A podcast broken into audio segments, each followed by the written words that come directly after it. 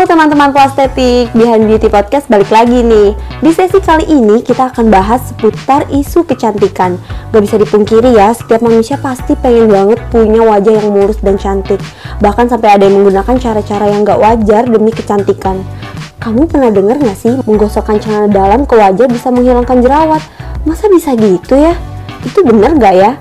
Nah, kali ini kita akan bahas mitos dan fakta seputar kecantikan sekarang di samping aku udah ada ahli estetika pastetik klinik nih yang bakal ngejawab mitos atau fakta seputar kecantikan. Siapa lagi kalau bukan Dokter Aima Yunita Amir. Hai Dokter Aima, apa kabar dok? Hai, aku alhamdulillah baik. Gimana nih teman-teman plastetik semua? Semoga baik-baik aja ya.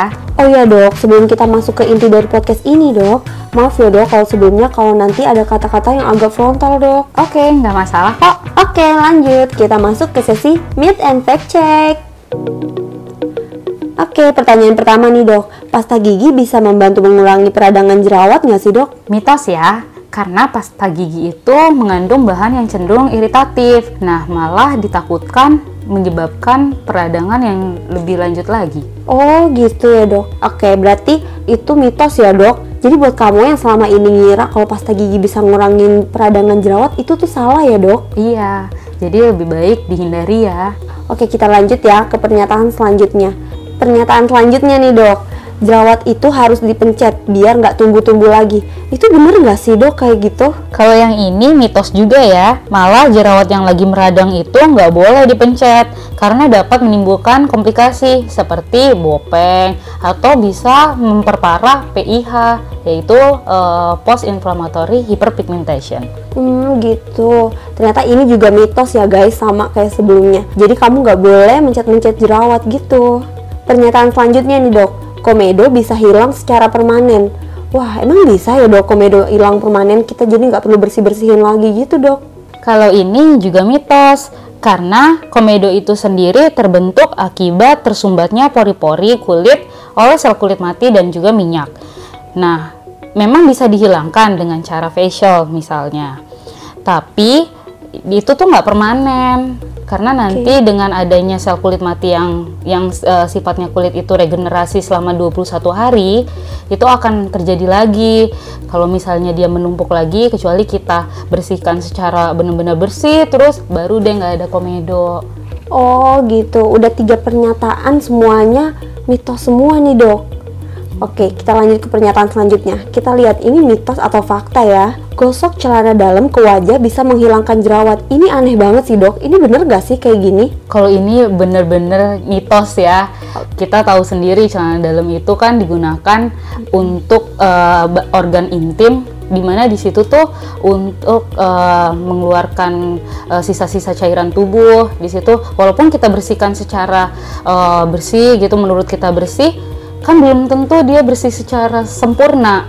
Kalau misalnya celana dalamnya masih kotor terus kita uh, aplikasikan ke wajah dengan dengan keinginan untuk menghilangkan jerawat nantinya malah makin parah. Kan kotor jadinya iya, makin makin meradang dong.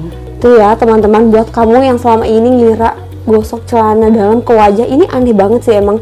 Dan udah tahu banget kalau ini bakal mitos ya dok. Iya. masa menggosok celana dalam ke wajah bisa menghilangkan jerawat? Itu nggak mungkin banget. Oke kita lanjut ke pernyataan selanjutnya Aspirin bisa mengatasi minyak berlebih dan sel kulit mati di wajah. Itu benar nggak ya dok? Nah, aspirin sendiri adalah obat yang digunakan untuk meredakan nyeri dan mengurangi peradangan. Aspirin ini memiliki senyawa anti asam asetil asetil salisilat. Sorry. Oke. Okay yang sifatnya tuh mirip dengan asam salisilat yang kita tahu sendiri efektif untuk jerawat.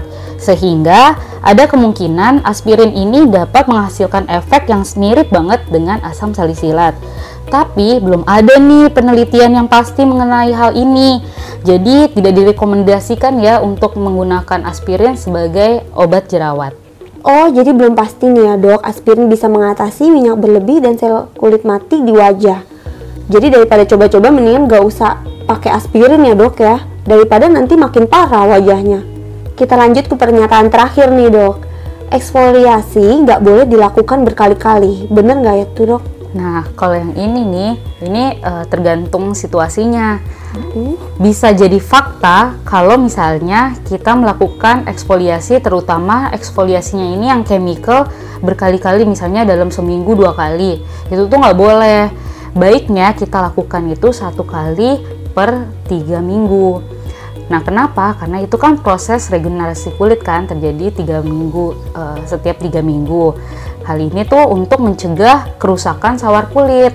Itu kalau misalnya kita eksfoliasinya e, berulang kali di waktu yang berdekatan, malah nanti ditakutkan sawar kulit kita jadi terganggu. Oke, berarti eksfoliasi ini sebenarnya boleh dilakukan berkali-kali, tapi dengan jangka waktu yang tepat ya dok? Iya. Wah, udah terjawab semua nih fakta dan mitos tentang hal-hal aneh seputar kecantikan. Ternyata banyak banget ya dok yang salah paham. Buat kamu yang lagi dengerin podcast ini, semoga rasa penasaran kamu terjawabkan ya. Terima kasih ya Dokter Aima udah mau sharing di Behind Beauty Podcast. Iya, sama-sama. Terima kasih juga buat kamu yang udah dengerin Behind Beauty Podcast. See you next podcast.